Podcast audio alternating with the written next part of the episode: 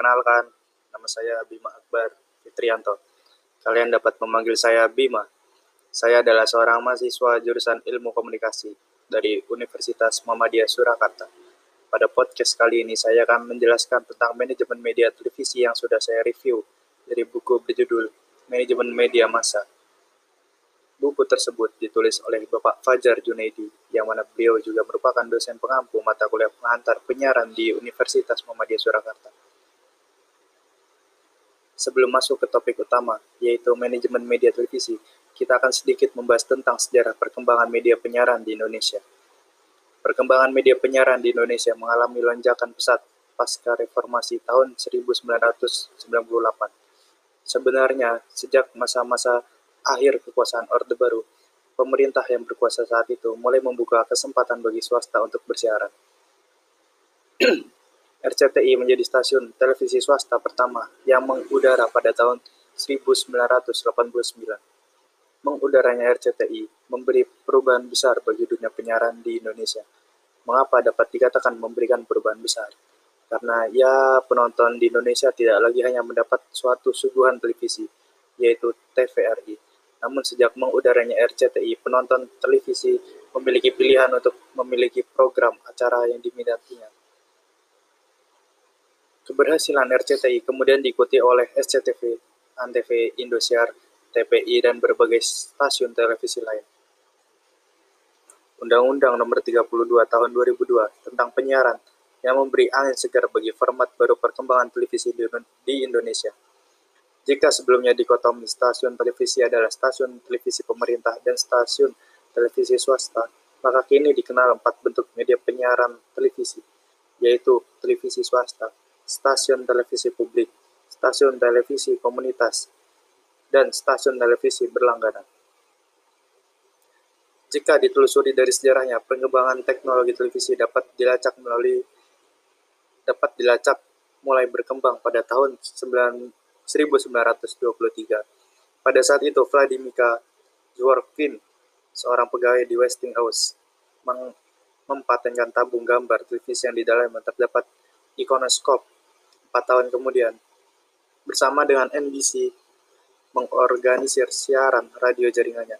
Philo Patsworth mengembangkan sistem dan mempatenkan tabung di sektor, atau disebut juga di sektor tube. Di saat di saat orang-orang lain bereksperimen dengan cara bagaimana menyiarkan gambar. Dua orang peneliti independen ini memberikan sumbangsi besar dalam kelahiran seluruh transmisi televisi. Namun demikian, sebelum mereka menemukan teknologi yang kemudian dikenal sebagai televisi, konsep tentang televisi sebenarnya telah ditemukan oleh seorang ahli fisika Prancis bernama Alexander Edmond Becquerel yang melakukan observasi tentang efek elektromagnetik cahaya ditemukan oleh Bittner 1986 sama dengan 116. Observasi inilah yang kemudian menjadi dasar dari, dari perkembangan teknologi televisi sampai saat ini. Perkembangan televisi mengalami kemunduran pada masa depresi ekonomi melanda Amerika Serikat. Di saat yang sama, negara-negara Eropa Barat juga mengalami krisis ekonomi dan politik pasca Perang Dunia ke-1 akhir dekade 1930-an terjadi perubahan besar yang mengubah secara menyeluruh, menyeluruh aspek politik, ekonomi, dan budaya ketika sebuah teknologi baru diper, diperkenalkan kepada publik. Di Indonesia, dalam posisinya sebagai negara sedang berkembang, baru memiliki stasiun televisi pada dekade 1960-an ketika TVRI berdiri dan mengudara pada tanggal 17 Agustus 1962, hingga TVRI pada awalnya digunakan untuk tujuan mensukseskan penyelenggaraan Asian Games keempat. Perubahan dalam dunia penyiaran televisi di Indonesia mulai tampak di tahun 1987, ketika RCTI diizinkan bersiaran terbatas di Jakarta dan sekitarnya. Persaingan bisnis dalam dunia penyiaran pun semakin ketat, baik di radio dan televisi. Keberhasilan dan keberhasilan dan kegagalan dalam bisnis penyiaran sangat bergantung pada manajemen dalam media penyiaran. Program televisi yang bagus dengan penonton yang banyak dan mendapatkan dan mendapatkan rating tinggi tidak bisa dilihat semata-mata sebagai keberhasilan baginya memproduksi program tersebut, namun harus dilihat sebagai keberhasilan bersama dari berbagai pihak yang terlibat dalam proses manajemen di stasiun televisi. Manajemen penyiaran televisi tidak sekedar urusan bagaimana proses teknis siaran, namun juga menyangkut pengelolaan sumber daya manusia, sumber daya keuangan, dan sumber daya peralatan di stasiun televisi. Struktur dan posisi dalam manajemen televisi. Stasiun televisi dipimpin oleh manajer yang disebut manajer umum atau general manager di stasiun televisi besar. Di stasiun televisi besar juga disebut sebagai direktur utama. Selain itu, ada istilah lain yang digunakan seperti presiden direktur, direktur utama, dan CEO atau Chief Executive Director.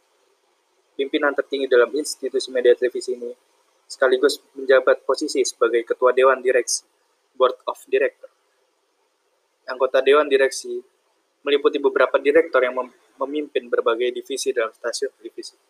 Dewan direksi inilah yang memiliki tanggung jawab untuk mengelola manajemen penyiaran dari stasiun televisi, yang juga meliputi aspek bisnis dalam industri penyiaran. Tugas dari pimpinan tertinggi dalam manajemen di stasiun televisi meliputi beberapa tugas. Yang pertama, manajemen harus mengkoordinasikan berbagai program acara yang ada di stasiun televisi tersebut. Kedua, manajemen harus dapat mengarahkan program acara yang ditayangkan adalah program acara yang diminati oleh pemasang iklan. Ketiga, manajemen harus mampu memberikan arahan kepada seluruh karyawan agar mampu melakukan kerjasama antar berbagai divisi yang ada. Secara struktural, tidak ada standar baku dalam manajemen stasiun televisi. Ada empat fungsi dasar dalam struktur organisasi media penyiaran, yaitu teknik, program, pemasaran, dan administrasi. Bagian teknik mengembang tanggung jawab dalam menjaga kelancaran sistem bagian. Bagian teknik mengembang tanggung jawab dalam menjaga kelancaran siaran. Bagian teknik juga bertugas merawat peralatan yang ada agar selalu prima ketika digunakan untuk produksi program televisi. Selanjutnya adalah bagian program siaran. Bagian ini mengemban tugas untuk menyuguhkan program acara bagi halayak. Untuk itu, bagian ini harus mampu melakukan penataan program siaran agar sesuai dengan halayak.